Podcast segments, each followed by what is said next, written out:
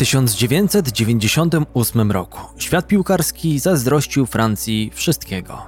Bleu nie tylko byli mistrzami świata, francuska piłka jak nigdy cieszyła się wybitnym zdrowiem. W całym kraju powstawały przełomowe struktury młodzieżowe, produkujące pozornie nieskończoną liczbę inteligentnych, silnych i technicznych piłkarzy. Gdy hiszpańskie, angielskie i niemieckie związki piłkarskie rzucały zachłanne spojrzenia na swoich galicyjskich sąsiadów, czołowe europejskie kluby zaczęły najeżdżać francuskie akademie, podkupując elitarnych młodych piłkarzy. W międzyczasie Emi trener mistrzów, nie spoczął na laurach. Nie szczycił się zwycięstwami, wiedząc, że cały ten sukces może zostać zaprzepaszczony. Nalegał, by to ziarno triumfu zasiać na najniższym poziomie. To przede wszystkim zwycięstwo w rozwoju francuskiej młodzieży. Jeśli się zatrzymamy, świat nas dogoni, a my znów będziemy przez dekady przepracowywać zaległości. Na przełomie wieków nikt nie był w stanie ich doścignąć. To wtedy wyrosła jedna z najsilniejszych reprezentacji w historii piłki nożnej. Aby osiągnąć sukces w piłce, potrzebny jest dobry trener, oddani kibice, ale przede wszystkim odpowiedni skład. Historie z boiska i Okocim grają razem. Podcast w dobrym składzie. Wiele mówi się o tegorocznej kadrze reprezentacji Francji, stawiając ją jako faworyta do zwycięstwa w Mistrzostwach Europy. Sam, jeśli miałbym na kogoś postawić, to właśnie na Francuzów i myślę, że wielu z Was, czy wiele z Was podobnie. Ale czy uda im się powtórzyć wynik sprzed 21 lat, gdy na stadionach w Holandii i Belgii triumfowali na europejskim czempionacie? Wraz z Marką Okocim sięgniemy pamięcią do tamtych sukcesów. Nazywam się Konrad Szymański i zapraszam Was na historię z boiska.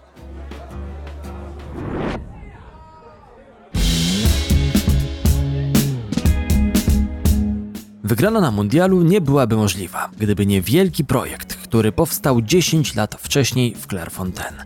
Polegał na stworzeniu centralnego punktu rozwoju francuskiego futbolu, przystani, gdzie najzdolniejsze umysły i talenty mogły się spotkać, aby zaplanować wspaniałą przyszłość. Clairefontaine stało się siedzibą główną, centrum nerwowym futbolu we Francji. Tam definiowano strategię, tam trenowały i rezydowały wszystkie drużyny od lat 15 do seniorów, przygotowujące się na duże imprezy. Tam w końcu trenerzy zdobywali wykształcenie i licencję do pracy, a co najważniejsze, od 1990 roku mieszkały tam i nabierały szlifów najbardziej obiecujące dzieci z regionu paryskiego. Gerard Houllier, który zmarł w grudniu zeszłego roku, wskazywał, że jednym z najważniejszych zadań dla jego kraju było wymyślenie pozycji dyrektora technicznego reprezentacji. Był pierwszym, który sprawował tę funkcję od 1988 roku. Zawsze mówiłem, że zadaniem selekcjonera jest przygotowanie zespołu do wygrania meczu za 10 dni. Zadaniem dyrektora technicznego jest przygotowanie się do meczu za 10 lat. Jakby przez przypadek, dekadę po tym, jak przyjechałem tu z moim sztabem, Francja została mistrzem świata. Ulier całkowicie zmienił filozofię treningu w centrum kształcenia piłkarzy. Przesunął nacisk ze sprawności w technikę. Wspomina, że czerpał inspirację z rozmowy, jaką odbył z Michelem Platinim, selekcjonerem Le Bleu w latach 1988-92. Opowiadałem wam o nim przed tygodniem. Platini zauważył, że Francuzi byli silni fizycznie, mocni pod względem taktycznym, ale brakowało im kreatywnej iskry, którą on sam często zapewniał w przeszłości. Model Clairefontaine wkrótce zaczęto kopiować w ośrodkach w całym kraju. Centralnie skoordynowana sieć akademii ostatecznie stworzyła podwaliny pod sukces, a sam kampus przyciągnął dziesiątki tysięcy dzieci i okazał się najbardziej żyznym terenem lęgowym dla przyszłych piłkarzy. Pierwszy konkretny dowód na to, że system działa, pojawił się w 1996 roku, kiedy trenowany przez Uliera zespół U18 został mistrzem Europy. Trzej absolwenci Clairefontaine, Thierry Henry, Nicolas Anelka oraz William Gallas wystąpili w tym turnieju i zaczęto rozpowszechniać informacje, że Francja rozwija pewne szczególne talenty. Trener był bardzo dumny z tego, co udało się przepracować. W finale pokonaliśmy Hiszpanię, ponieważ podawaliśmy lepiej piłkę niż oni. A to przecież kraj wybitny, jeśli chodzi o technikę użytkową. Nasze metody się opłacały. To, co zrobili, było proste. Każdego roku znajdowali najlepszych dwunastolatków w kraju. Wybierali 20 z każdego z 13 narodowych centrów treningowych, czyli łącznie 260 zdolnych sportowców. Codziennie razem trenowali i mieszkali. Kiedy łączy się najlepsze z najlepszymi, poziom rośnie.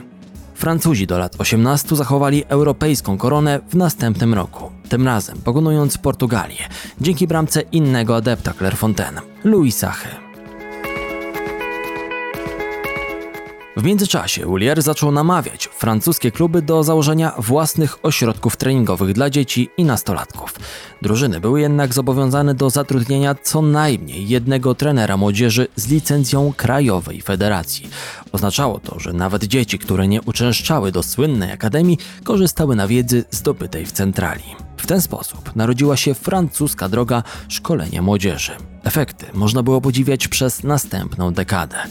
Pierwszy spektakularny owoc pracy podziwiał cały świat w 1998 roku.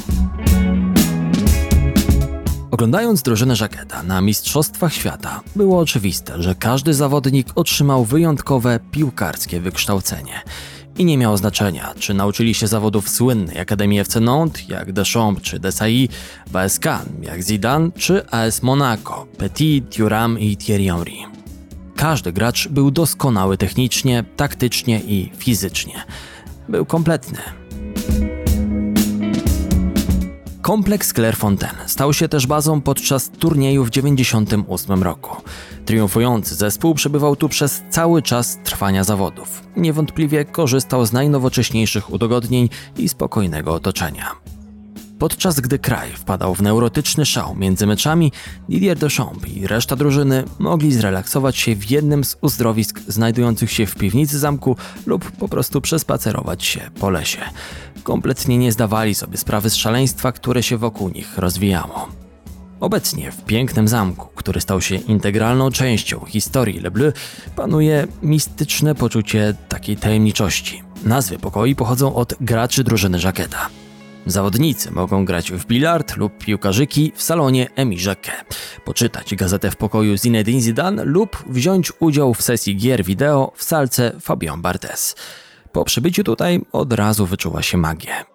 Nic dziwnego. Jesteś otoczony boiskami i możesz zobaczyć wszystkie inne drużyny Francji trenujące przed najbliższymi spotkaniami. Po 2000 roku hotel otrzymał nazwy kolejnych mistrzów, którzy dopięli okres funkcjonowania złotej generacji trójkolorowych piękną klamrą, ale już z innym selekcjonerem. W 1998 roku Roger Lemer asystował Emi Jacquetowi w wielkim triumfie na własnej ziemi. To utorowało mu drogę do objęcia funkcji trenera drużyny narodowej, ponieważ Jacquet wycofał się z czynnej pracy na ławce, poświęcając się pracy właśnie jako dyrektor techniczny z ramienia francuskiej Federacji Piłkarskiej. Chociaż jego następca był doświadczonym fachowcem i bynajmniej nie anonimową postacią, prowadził kilka klubów w latach 80., kibice kręcili nosem na zmianę, chcąc zobaczyć na stanowisku kogoś bardziej znaczącego w futbolu. Od razu spotkał się z krytyką, że bezrefleksyjnie naśladuje poprzednika. Na rysunkach satyrycznych w prasie przedstawiano go jako potakiwacza, który podejmuje decyzje na podstawie wyobrażenia, co w takiej samej sytuacji mógłby zrobić Jacquet. Z drugiej strony, selekcjonerzy Leble nigdy nie należeli do tych, którzy pchali się na scenę. To zazwyczaj byli naukowcy, filozofowie futbolu, aniżeli mistrzowie przy mikrofonach. Lemer również nie błyszczał na konferencjach prasowych. Robił swoje, trzymał się założeń, nie szarżował. To raczej postawa trenera juniorów, który znał potencjał swoich podopiecznych i zamierzał z nich uwolnić to, co najlepsze. Trzymał się zawodników, którzy wygrali mundial. To jasne, nie mógł zrezygnować z najlepszych piłkarzy na tej planecie. Zrewidował jedynie rolę Christiana Karambu, odsuwając go od pierwszego składu.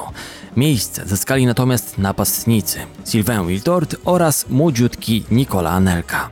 Z kolei będący już w kadrze Thierry Henry oraz David Trezeguet okrzepli na wielkim turnieju i selekcjoner mógł bazować także na ich doświadczeniu. Jednak centralnym punktem zespołu był on, Zinedine Zidane, dziesiątka wszechczasów Francuzów, którego kiedyś angielski historyk futbolu Jonathan Wilson nazwał w taki sposób. To niewiarygodne, że gracz o tak ograniczonej szybkości i prawie bez instynktu obronnego został jednym z największych rozgrywających w historii.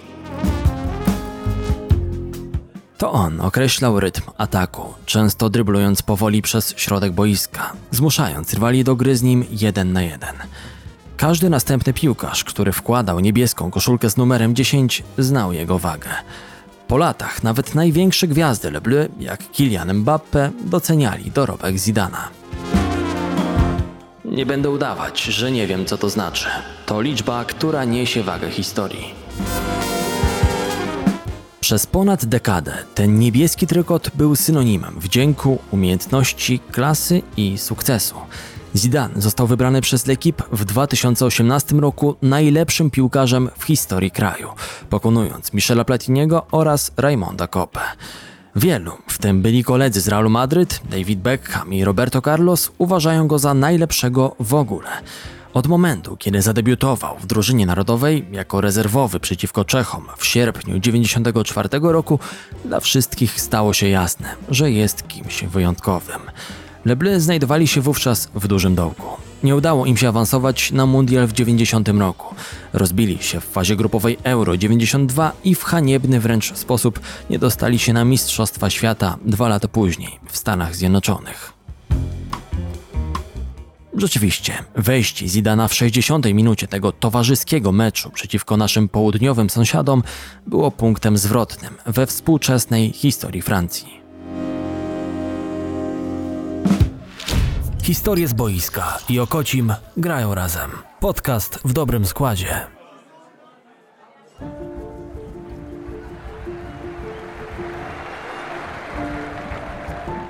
Gospodarze przegrywali wówczas 0 do 2, gdy Jacquet skinął na debiutanta z ławki.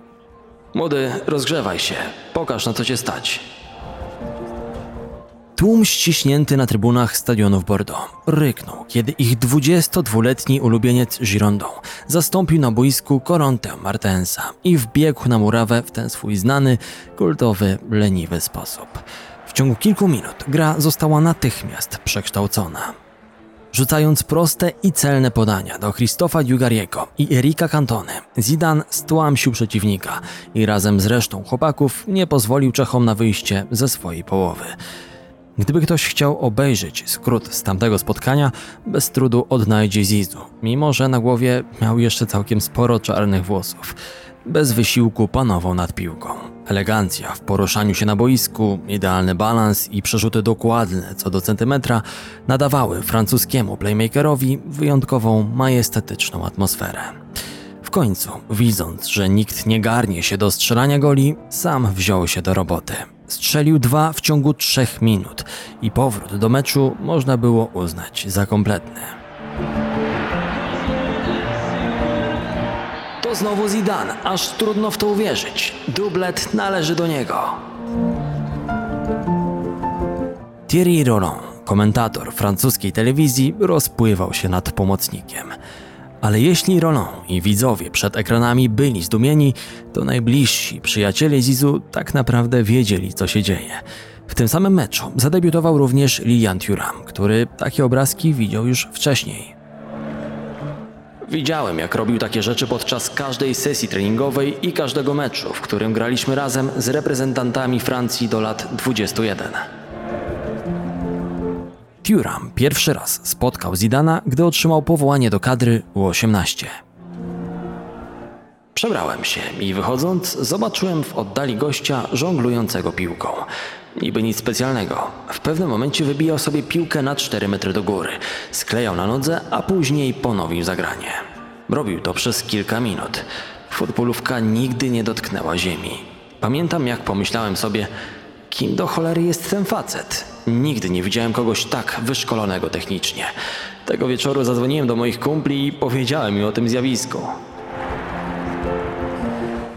W erze sprzed internetu reputację budowano pocztą pantoflową, a nie jak dzisiaj kompilacjami na YouTube czy klipami na Twitterze. Bernard Diomet pamięta szepty o tej niesamowitej dziesiątce, kiedy był w Akademii Oser. Podczas zgrupowania Fontaine z grupą reprezentantów do lat 17 skrzydłowy zdołał rzucić okiem na swojego przyszłego kolegę z drużyny. Kiedyś chowaliśmy się i patrzyliśmy, jak trenują starsze zespoły. Wciąż pamiętam, kiedy pierwszy raz zobaczyłem Zizu. Dryblował wokół wszystkich, a gdy miał przed sobą pustą bramkę, zdecydował się oddać piłkę koledze, aby pozwolić mu strzelić. Nikt inny czegoś takiego nie robił.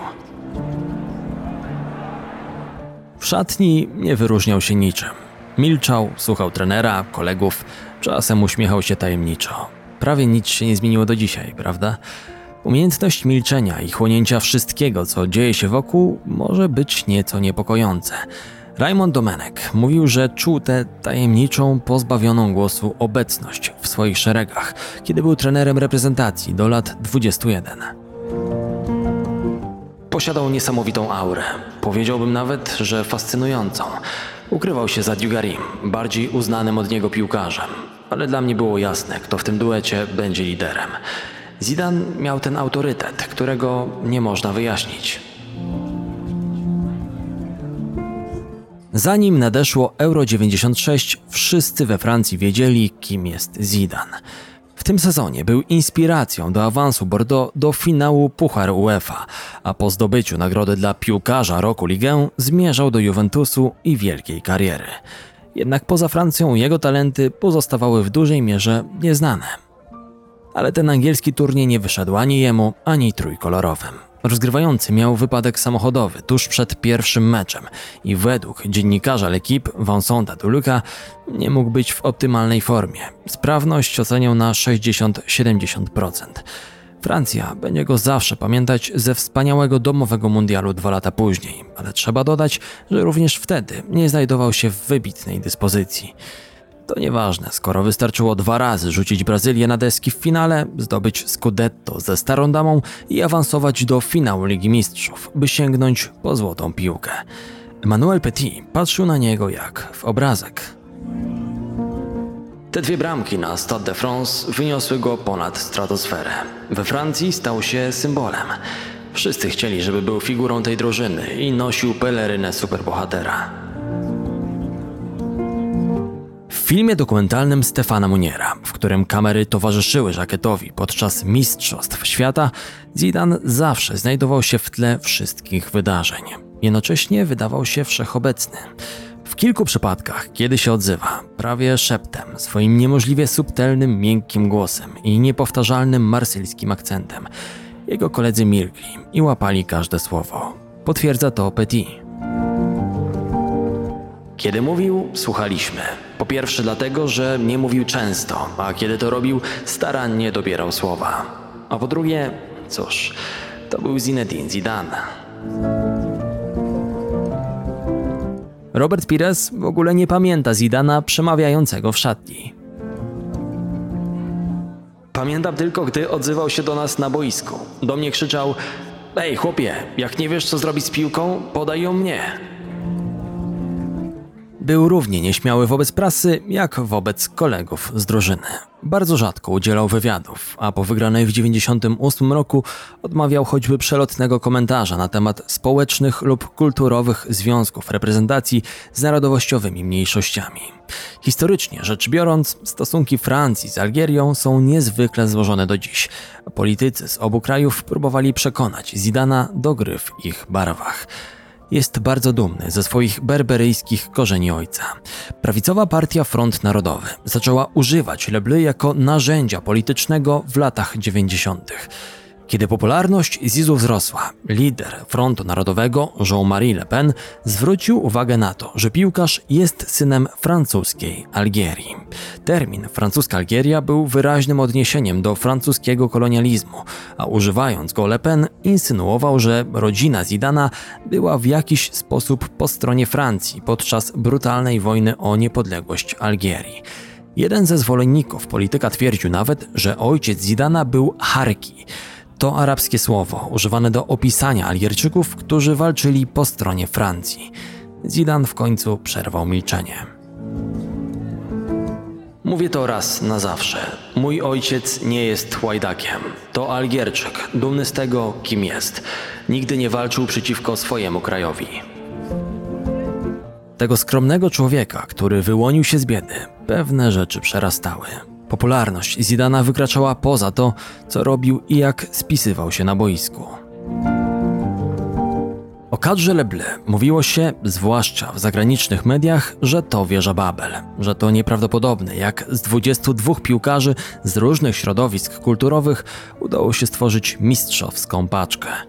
Pewien chłopak, który wygrał mundial w 98 roku, czuł się szczególnie szczęśliwy poczuciem harmonii rasowej, która zapanowała po historycznym triumfie. Odkąd jako dziewięciolatek przeprowadził się na kontynent z Guadelupy, Lilian Thuram stanął w obliczu dyskryminacji. Postawy, których był świadkiem jako chłopiec, zszokowały go do tego stopnia, że po zakończeniu kariery postanowił skoncentrować swoją energię na walce z rasizmem. Przez tych kilka szczęśliwych tygodni po wywalczeniu Pucharu Świata, Thuram zachwycał się, widząc, jak ludzie we Francji są traktowani jednakowo, niezależnie od koloru skóry.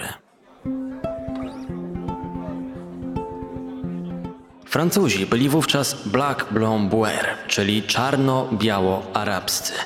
To nowa drużyna trójkolorowych. Bardzo mi się to podobało, jako symbol. Dotyczyło całego społeczeństwa. Pamiętał, jak jako mały dzieciak przeniósł się do bogatszej dzielnicy Paryża i z miejsca stał się prześladowany przez rówieśników. Wmawiali mu, że jego kolor skóry jest gorszy niż ich. To były dziewięciolatki. Nie urodzili się przecież rasistami, ale już w tak młodym wieku rozwinęły kompleks wyższości. Po strzeleniu dwóch goli w półfinale Mistrzostw Świata przeciwko Chorwacji, nawiasem mówiąc, były to jedyne gole w historii jego gry dla kadry, przestano traktować Turama jako obcego. Został bohaterem, jak każdy członek grupy Emi Jaqueta. Wówczas w dorosłej reprezentacji nie było mowy o jakichkolwiek podziałach. Nawet jeśli do takich dochodziło, natychmiast do akcji wkraczał kapitan Didier Deschamps. Na mundialu bezwzględnie jeden z największych herosów, urodzony lider. Już w wieku 11 lat przewodził drużynie do lat 16. Kapitanem swojego Nantes został w wieku 19 lat, a 5 lat później prowadził Olympique Marsylia do triumfu w Lidze Mistrzów jedynego w historii francuskiej piłki klubowej. Delikatnie mówiąc, nie uchodził za wybitnego technika, ani nawet za wielkiego pracusia. Bardziej ceniono jego inteligencję taktyczną oraz umiejętności przywódcze niż dribbling czy podania. Choć nie był tak utalentowany jak Zizou, odgrywał kluczową rolę w reprezentacji Le Bleu. Jego kolega z kadry, Christophe Jugari, był oczarowany tą postacią. Piłkarzy, którzy sięgają po trofea, wyróżnia inteligencja. Deschamps? Zacznijmy od tego, że ograniczony technicznie gość, który jednak odniósł sukces i dzięki niewiarygodnej umiejętności przystosowania się do otoczenia miał wyjątkową karierę. Największe jego atuty to zdolność analizy i autoanalizy. Zdawał sobie sprawę ze swoich ograniczeń. Nigdy nie narażał drużyny na niebezpieczeństwo. Oczywiście nie można powiedzieć, że Dede był kompletnie surowy piłkarsko. Nie dorastał do pięt najlepszym graczom pod względem technicznym, ale on nie potrzebował umiejętności dryblingu czy zakładania siatek rywalom. Daniel Bravo, mistrz Europy z 1984, dobrze pamięta, jak Deschamps wchodził do drużyny trójkolorowych. Z łatwością odbierał piłki i eliminował rywali kilkoma sztuczkami. Być może jego styl nie porywał, ale w rzeczywistości potrafił zniechęcać przeciwników. To dlatego rzadko przenosili futbolówkę w strefę, w której akurat przebywał. Na euro pojechał jednak kompletnie bez formy, nieprzygotowany do walki o złoto. Akcje Deschampa mocno spadły, ponieważ nie potrafił odnaleźć się w Juventusie. Do tego miał konflikt z Marcello Lippim, kiedy za pośrednictwem mediów dowiedział się, że nie zostanie włączony do składu w jednym z ważniejszych ligowych spotkań. Według prasy pomocnik uchodził za najsłabsze ogniwo w reprezentacji, zwłaszcza, że Roger Lemer nieco zmienił ustawienie w zespole, preferując trzech środkowych pomocników zamiast dwóch. Nikt jednak nie miał wątpliwości, że bez siwiejącego lidera zespołu będzie szalenie ciężko o zwycięstwo. Zauważał to Laurent Blanc. Didier być może nie dojeżdżał już pod względem piłkarskim, ale dla nas jasne było, że drużyna bez niego będzie smakowała jak kwaśne wino. Będzie się nadawała wyłącznie do wylania do toalety. Poza tym na jego obecności w kadrze rośli inni zawodnicy, między innymi Patrick Vieira. Piłkarz był fantastycznym defensywnym pomocnikiem i ogromnie skorzystał na doskonałej piłkarskiej edukacji. Najpierw do ekipy AS Can wprowadził go Luis Fernandez, pomocnik z magicznego kwadratu Le Bleu z lat 80. Potem zaś Vieira uczył się gry w defensywie od Desaiego w Milanie. Gdy przebił się do reprezentacji Francji, przyglądał się treningom Didiera Deschampa. Nie mógłbym znaleźć lepszego nauczyciela niż Dede. Część dziennikarzy twierdziła, że nie powinien już grać i że powinienem zająć jego miejsce. Nie zgadzałem się z nimi i zawsze miałem z nim świetne relacje. Darzę Dede ogromnym szacunkiem. Lubię go jako człowieka. Jedni cenią jako piłkarza, inni nie, ale to zupełnie inna kwestia. Dede lubi wymianę myśli i dyskusję o taktyce. Deschampa tak rozgniewały opinie dziennikarzy, że ogłosił bojkot wszystkich konferencji prasowych podczas turnieju. W geście solidarności z kapitanem do protestu dołączyli pozostali koledzy z drużyny. Eksperci jednak nie mylili się. Na Euro 2000 w kilku sytuacjach widać było, że jego mobilność chyliła się ku końcowi. Na szczęście na belgijskich i holenderskich boiskach kapitan Francuzów był otoczony przez znakomitych piłkarzy. Za sobą sprawdzony kręgosłup, z którym sięgnął po złoto. Przed nim dwie wschodzące gwiazdy. Roger Lemer mógł pozwolić sobie na luksus, którego w klubie nie miał jego rodak. Arsene Wenger przyznał po latach. Jedną z rzeczy, jakich najbardziej żałuję, jest to, że Nicola Nelka i Thierry Henry nigdy nie zagrali u mnie razem. Duet francuskich napastników budził przerażenie w każdej defensywie. W 1999 roku Anelka odszedł z Arsenalu do Realu Madryt. W jego miejsce kanonierzy sprowadzili z Monako jednego z najbardziej dynamicznych napastników tamtych czasów – Mistrzowie świata weszli w turniej z olbrzymią presją spoczywającą na ich barkach. Pierwszy przeciwnik triumfatorzy Euro sprzed 8 lat Duńczycy. Rytuał przedmeczowy polegający na tym, że Laurent Blanc całował łysą głowę Fabiana Barteza, swojego bramkarza z krótkimi rękawkami, zdawał się działać, gdy trójkolorowi z trudem zawiązywali akcję, a Jondale Thomason o mało co nie dał Skandynawom prowadzenia. Save is made by Fabian Barthez. And will John Dahl Thomason get a better opening than that throughout the 90 minutes? I doubt it somehow. Później tego samego spróbował Ebbe Sand, ale znów górą był golkiper Leble. Francja wkroczyła w ten turniej po kwadransie gry.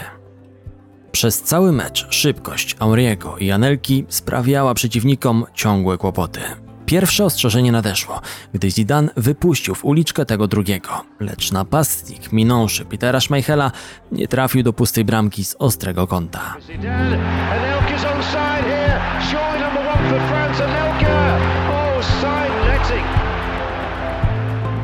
Francuzi otworzyli wynik spotkania, kiedy Anelka obił bramkarza Danii, a futbolówka trafiła do zupełnie niekrytego Laurent Blanca.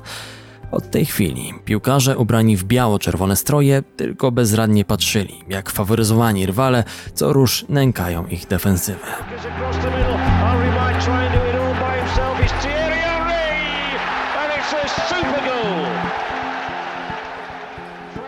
Skończyło się na 3 do 0 po kolejnych bramkach Auriego i Wiltorda, ale równie dobrze mogło paść jeszcze 5-6 goli.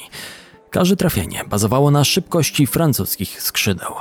Tak wyglądało nowe oblicze trójkolorowych. bezwzględne, diabelsko skuteczne. Fabien Barthez już wtedy był przekonany, że turniej skończy się po ich myśli. Po meczu z Danią miałem takie samo wrażenie jak po pierwszym sprawdzianie na mundialu, że jesteśmy silni i nikt nas nie pokona. Bohaterem obwołano oczywiście ledwie 22-letniego Auriego. Rozpływały się nad nim media, ale także koledzy z drużyny. Na tamtych mistrzostwach Thierry zyskał dużo pewności siebie. Próbował wielu nowych rzeczy. Ponieważ świetnie go znałem, czułem, że gdy występuje w barwach narodowych, gra nieco bardziej asekurancko. W Arsenalu po prostu zabierał piłkę, kiwał dwóch, trzech rywali, a potem strzelał albo dogrywał kolegom. W reprezentacji nie czuł się wystarczająco swobodnie. Na tym euro było zupełnie inaczej. Historie z boiska i Okocim grają razem. Podcast w dobrym składzie. W drugim spotkaniu grupowym, wygranym 2 do 1 z Czechami, Auri otworzył wynik w znany sobie sposób, po podaniu za plecy obrońców. Z tym, że nie dogrywał mu kolega, a czeski defensor Petr Gabriel.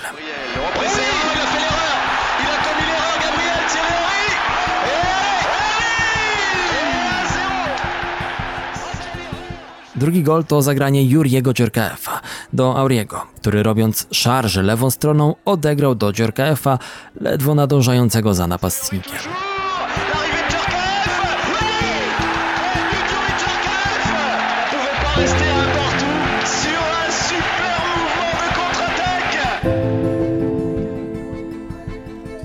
Reprezentanci cieszyli się, że nowy trener nie nakładał na nich kajdan, jak Emi Jacquet, i mogli atakować z werwą, nie martwiąc się zbytnio o zabezpieczenie tyłów. Pires podkreśla, że większość z nich znajdowała się w szczycie formy. To nie arogancja, ale czuliśmy się bardzo pewni siebie. Byliśmy o dwa lata starsi, mieliśmy większe doświadczenie. Ze śmiałością ruszyliśmy na podbój Europy i tak mając świat u swoich stóp. Marcel Desailly, podpora defensywy, mur nie do sforsowania, wspominał, że w tamtym czasie czuł się niezwyciężony.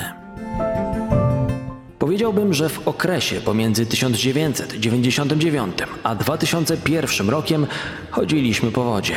Graliśmy jak prawdziwi mistrzowie świata i nie mieliśmy wątpliwości co do tego, kto wyjedzie ze złotymi medalami.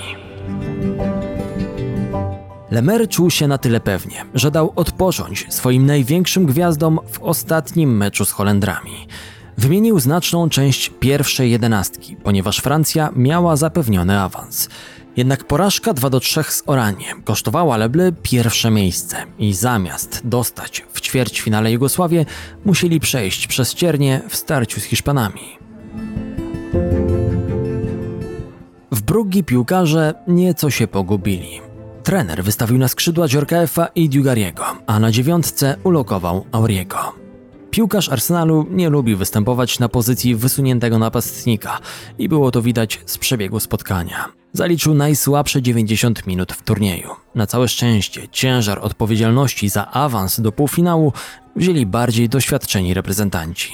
Eksperci słusznie przewidzieli, że wynik określi bitwa pomiędzy Zidanem a Pepem Guardiolą, który pociągał za sznurki w ekipie La Furia Roja, będąc zarówno defensywnym pomocnikiem, jak i głównym rozgrywającym.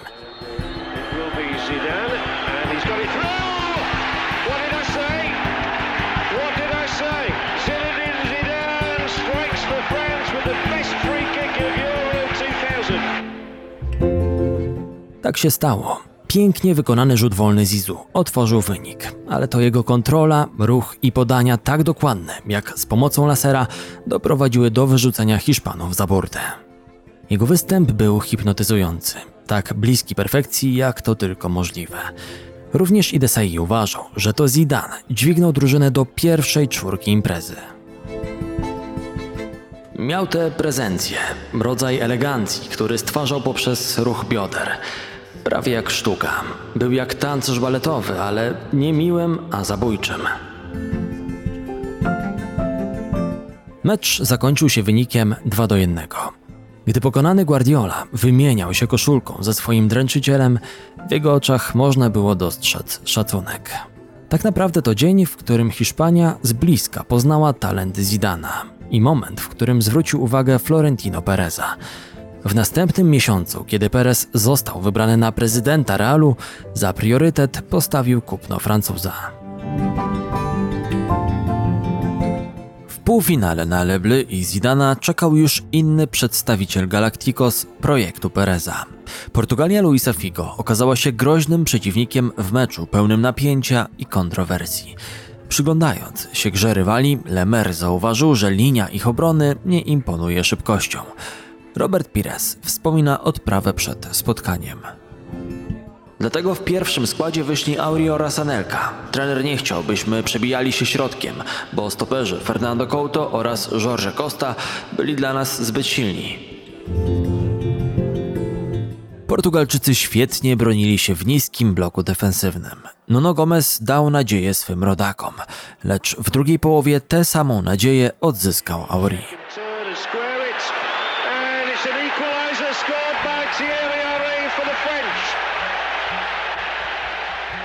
Prawdziwy dramat rozegrał się za to w dogrywce, przeprowadzanej wówczas w myśl zasady złotej bramki, kończącej zmagania.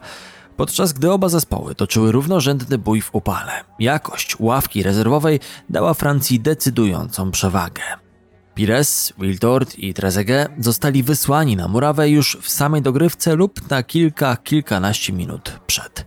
Dwaj ostatni zapoczątkowali najważniejszą akcję meczu. Charyzmatyczny obrońca Abel Xavier ze złotą brodą wychodził z siebie, gdy sędzia liniowy poinformował głównego, że ten wybronił strzał Wiltorda ręką. Haniebne sceny, które miały miejsce zarówno przed wykonaniem, jak i po wykorzystaniu rzutu karnego przez Zidana, były bezprecedensowe. Podobnie jak sankcje nałożone przez UEFA. Xavier otrzymał 9-miesięczną karę dyskwalifikacji za obrazę sędziego i oplucie liniowego. Paulo Bento za podobne wybryki miał pauzować pół roku. Ostatecznie obu skrócono dyskwalifikację o kilka miesięcy. Pośród tego harmitru jedna osoba zachowywała stoicki spokój. Kiedy stał z rękoma opartymi na biodrach, czekając na wykonanie jedenastki, Zidan wydawał się nieświadomy chaosu, który wokół niego się rozwijał. Wyglądał jak mistrz zen, a potem z zimną krwią zmylił bramkarza.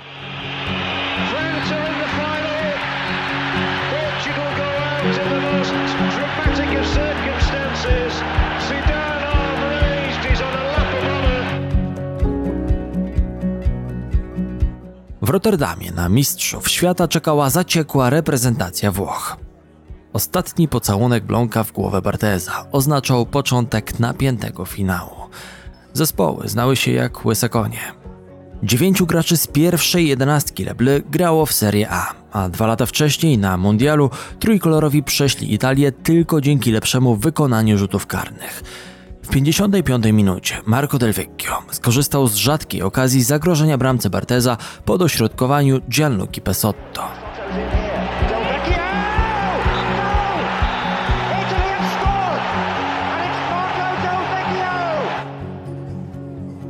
Francuzi wpadli w kłopoty. Kapitan był przerażony. Koledzy patrzyli na mnie, a ja z trudem wydobyłem z siebie, ale naprzód, dopadniemy ich. Tak naprawdę nie miałem w sobie tyle pewności. Patrzyłem na Zidana. Jemu nie drgnęła brew. Uspokoiłem się. Didier Deschamps wierzył w Zizu, chociaż dla niego był to najsłabszy występ na Euro. Demetrio Albertini krył go przez 90 minut z typową włoską dyscypliną i umiejętnościami. Jednak powstrzymanie Zidana pozwoliło pozostałym reprezentantom francuskiej drużyny na wchodzenie w dodatkowe centymetry przestrzeni. Do akcji wkroczył Lemer. Ponownie zwrócił się do swoich zastępców. Pierwszy z ławki wstał Wiltord, później Trezeguet. Ostatnim był Pires. Po 90 minutach zmiennicy i trenerzy Zurich ustawili się przed linią boczną, trzymając się za ramiona, gotowi do wybuchu radości, a włoscy kibice na stadionie de Kuip zaczęli śpiewać hymn narodowy. Nim na trybunach fani dobrnęli do słów Zewrzyjmy szeregi gotowi na śmierć, Wiltord zebrał wolną piłkę z lewej strony pola karnego. Rzucił się do przodu i strzelił mocno z ostrego kąta, w świetnie do tej pory spisującego się Francesco Toldo. Błąd wcześniej popełnił sam Fabio Cannavaro, który jednak winę zrzucał na cały zespół. Jeśli spojrzy się na tego gola wyrównującego, to był tam cały łańcuch błędów. Najpierw jeden z naszych napastników oddał piłkę. Potem Juliano przegrał walkę z Trezegetem. Moje wybicie piłki też zaważyło. No i Toldo nie zdążył się cofnąć, by zatrzymać strzał. Co więcej, powinniśmy wcześniej zakończyć mecz, bo dwie dobre szanse miał Del Piero. Pamiętajcie jednak, że byliśmy skrajnie zmęczeni. Brakowało nam przytomności w kluczowym momencie.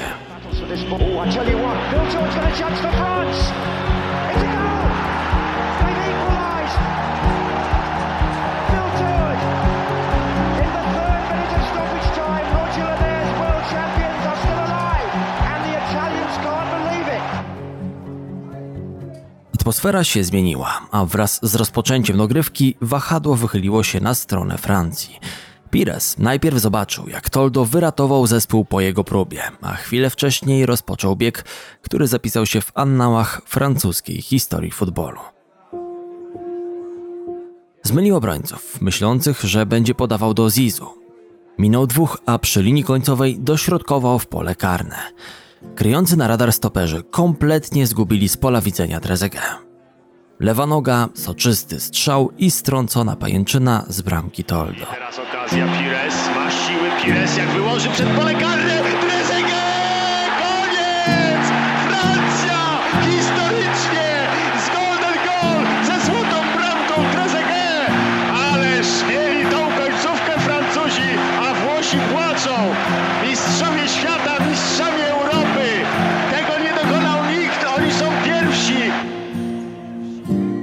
Gdy młody napastnik zdarł koszulkę, aby uczcić zdobycie złotego gola, człowiek, który wystawił mu piłkę, stał nieruchomo przed fanami Lebleu. O mało nie zemdlałem. Nie wiem, co się stało. Powinienem się cieszyć, ale mój mózg wyłączył się na kilka chwil. Psychologicznie mecz był tak intensywny, że czułem się totalnie wyczerpany. Dla wielu było to niesprawiedliwe. Inni cieszyli się, że w końcu runął defensywny mur Włochów, że Catenaccio nie mogło przeważyć nad pięknym stylem zróżnicowanej kadry Lemera. Dinocow polegał na konserwatywnej taktyce, takiej, która odniosła sukces w doprowadzeniu Azzurich do finału, ale nie miał sympatyków w tym rozwiązaniu nawet wśród swoich. La Gazzetta dello Sport pisała następnego dnia. Piłkarscy puryści byliby przerażeni, gdyby Włosi triumfowali. A Francuzi wynoszono ich pod niebiosa. Ekscytująca drużyna, pełna tempa, techniki, siły, wpisała grupę doskonałych graczy do historii. Obok wielkich reprezentacji, takich jak Brazylia 1970 czy Hiszpania z pierwszej dekady XXI wieku. W tamtym czasie wielu uważało, że może to być początek nowej, międzynarodowej dynastii piłkarskiej. Ale ekipa Lemera już w następnym turnieju, na Mistrzostwach Świata w Korei Południowej i Japonii, doznała przykrego upokorzenia. Didier Deschamps rzucił wtedy zaklęcie. Nigdy nie będzie lepszej reprezentacji Francji. Nie wierzę w to. Teraz, już w nowej roli, sam ma okazję, by tę klątwę zdjąć. Pierwszy krok zrobił w Rosji. Czy powtórzy dokładnie to samo, co zrobił jako kapitan? Dajcie znać w komentarzu na YouTube, co o tym myślicie. Konrad Szymański, kłaniam się nisko. Do usłyszenia.